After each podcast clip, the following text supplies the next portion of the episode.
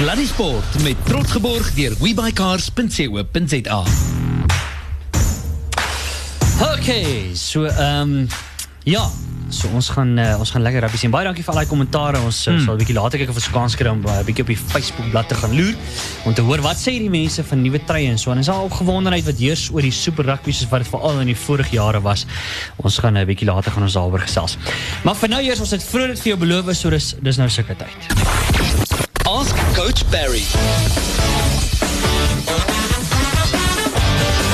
Officiële Comrades coach coach Lindsay Parry joins us on the line. En uh coach, ek het so 'n paar foute gemaak, but uh I think it's good lessons learned regarding the pacing coach. Firstly, are you well this evening? Very well, thank you, uh, Ruben. Yeah, but that's what running is about. It's about learning from our mistakes sometimes.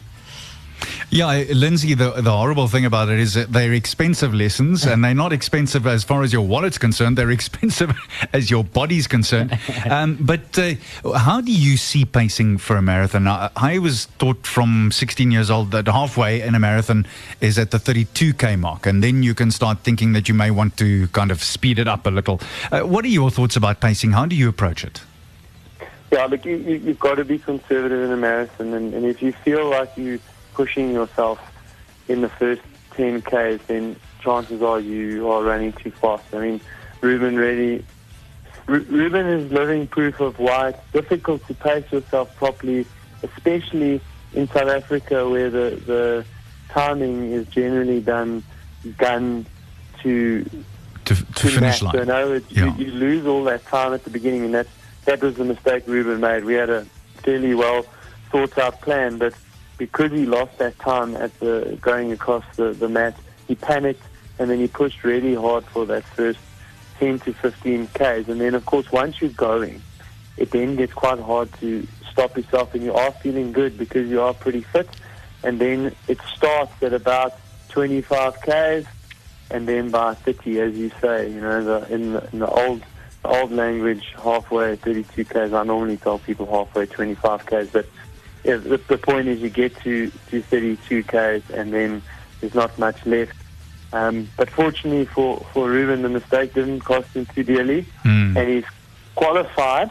Yeah. So now he's done that. That's the second most important part of the comrades journey, of course, is qualifying. Because now at least you now at least you get to start, and then obviously we've we've uh, got to work on making sure he finishes. I, I hate to tell you that, um, what's it now, five years ago. Yeah, five years ago. And I've run more than 160 of these things. Yeah. I made the same mistake at Boston. I did exactly the same thing, and I forgot that it was a mat to mat time. It wasn't a gun to line time. So you still get caught sometimes thinking yeah. the wrong way. And uh, that's actually really, it's a thinking thing. It's not so much a physical thing, is it? It's a thinking thing. It's a mental thing. Yeah, you've, you've, just, you've just got to really say to yourself over and over again, today I'm going to be calm and easy at the start. Yeah. Calm and easy at the start. I mean, whatever, whatever happens in terms of getting across the start line, from there you just run your planned race. Lindsay, here's one of the things that I think people miss. I hope you agree with me the the discipline you learn you don't learn that during races you learn that during the long run on a saturday or a sunday morning. That's where you learn the discipline to stick to a certain pace and then take that to a race. It's not the other way around is it? No, i absolutely agree with you. Obviously it's it's easier to do it on the, the weekend mm. run although that is a mistake that most people make is that they do run most of their runs too hard, including their long run. But even if you you teach yourself to run and stick to a pace, problem on race day, of course, is the emotion, and that's why you've got to really like bang it home in your head and say, look, remember what happened last time, remember what happened last time, and just make sure that the first.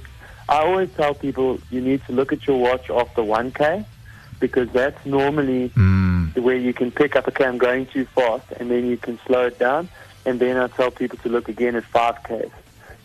Normally between 1 and 5Ks, if you go a little bit too quick there and then correct it, you, you're going to be okay.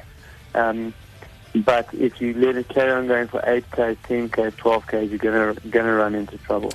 And that is exactly what happened with the marathon. I must admit there was a mistake I made. And I, like you said earlier as well, uh, Coach, I think the main thing was, and I, I think for, for, for ouens dat nou vir die eerste keer hardloop ook, ek dink die belangrike ding is, voordat jy 21 of 'n 10 of 'n of 'n marathon gaan hardloop of 'n Comrades for that matter, die groot en belangrike ding hier is jy gaan 'n bietjie tyd in die begin verloor. I mean, mm. normally coach, it happens that there is a lot of traffic, but you can just relax about that first K. Don't get all worked up and try and make up the, the time because that's well, that's exactly what happened to me. Yeah, no, 100%. I mean, you, you summed it up perfectly. Ja. Uh, Ruben, by Comrades as jy daar agter staan as jy tussen die 12 en die, die uh, 10 11 ure uh, area staan, Ja. seeding area. Dan gaan dit gaan jou 12 minute vat om oor die streep te gaan. Ja. Dit gaan jou 12 Sure. minute vat voordat jy amptelik begin. But but you know Lindsay the other thing that amazes me and I mean I just admitted to making the mistake myself with all the right tools. Let's be honest with the watches that we have these days that gives you immediate readout on precisely the pace that you're running at that point in time. There's almost actually no excuse is there strictly speaking.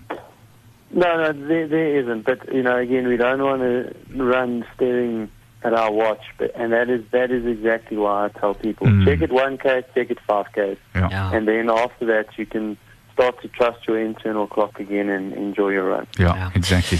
Coach, thank you so much. I think this is very valuable info, and it was the last time that I made this mistake. Thank you so much, and we'll chat to you again next week.